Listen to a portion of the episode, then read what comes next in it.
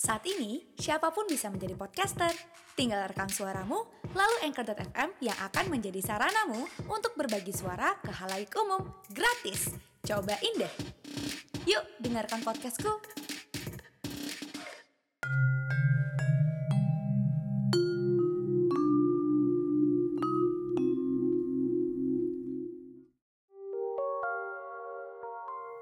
Hai, apa kabar?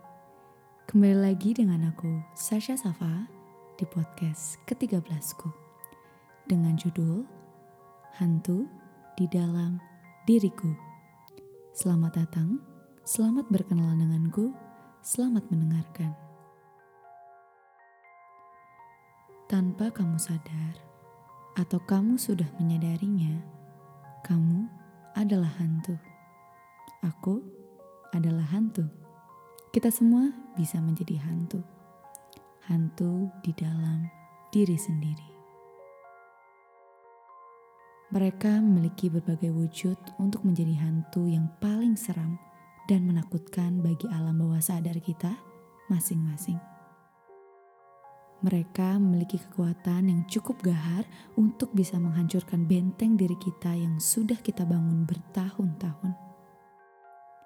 Mereka pun bisa menjadi penyakit hati dan membuat diri kita menjauh dari realita maupun kontak sosial yang ada. Mereka adalah kamu, adalah aku, adalah perasaan negatif yang berkumpul menjadi satu, mengobrak-abrik hati, pikiran, sistem tubuh, dan cara hidup yang ada. Mereka terkesan remeh, namun sebetulnya besar dampaknya kepada kehidupan kita. Mengapa aku sebut sebagai hantu? Mereka ini tidak berwujud, tapi kamu bisa merasakannya dengan respon yang diberikan pada setiap kondisi yang ada dalam keseharianmu. Coba kamu renungi, ketika dirimu sedang merasa super lelah, super ingin istirahat, super tidak baik-baik saja kondisinya, kamu menjadi mudah untuk merasakan perasaan negatif yang begitu kencang. Misal, merasa lebih sensitif, mudah marah, mudah sedih, mudah merasa tidak enak, mau melakukan ini itu, dan lain sebagainya. Semua terasa kalut seketika, sehingga dirimu pun tidak menyadari bahwa apa yang kamu rasakan begitu kuat aura negatifnya.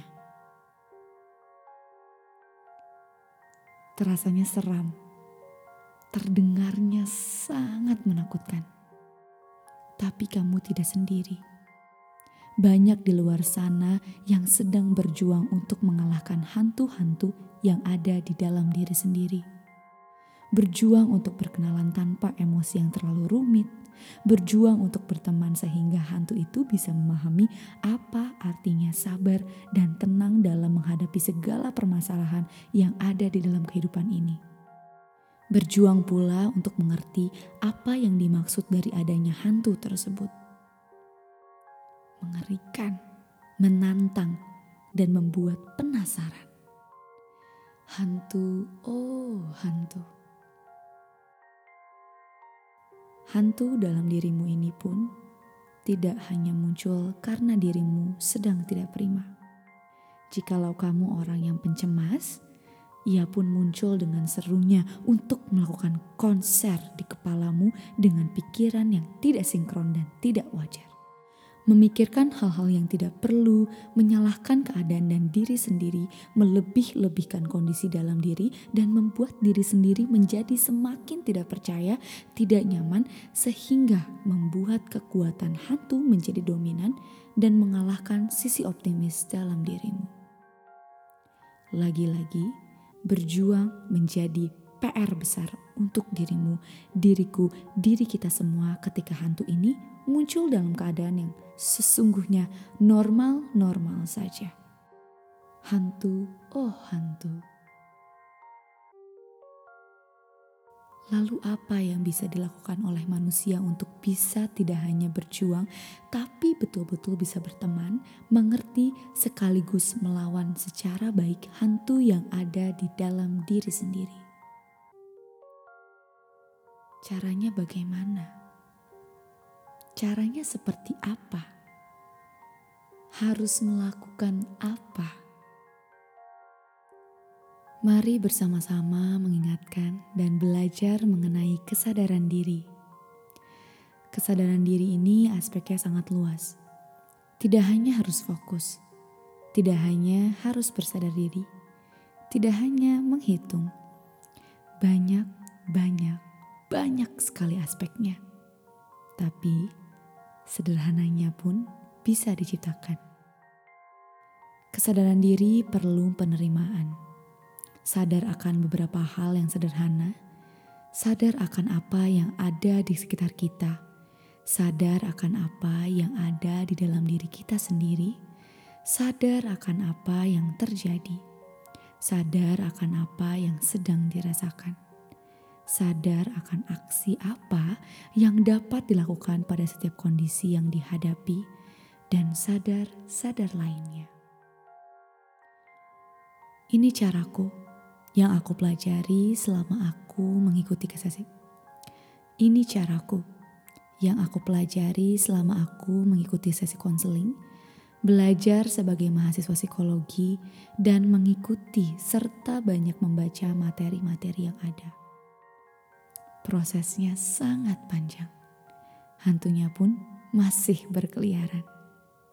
Terkadang jika sedang aktif. Aku yakin kamu dan siapa pun yang mendengarkan dapat menemukan cara yang tepat untuk dirimu bisa berteman, memahami, serta melawan hantu yang ada di dalam dirimu. Walau prosesnya tidak sebentar, tetapi setidaknya kamu tahu bahwa dirimu lebih kuat dibandingkan hantu yang ada. Hantu itu bagian dari dirimu, tapi tidak memberikan identitas selamanya pada dirimu. Segala cara bisa kamu coba untuk kualitas hidup yang lebih baik. Tetap semangat, tetaplah hidup, tetap berjalan. Kamu itu berharga. Terima kasih telah mendengarkan podcastku. Semoga bermanfaat dan aku harap kamu tersenyum saat ini.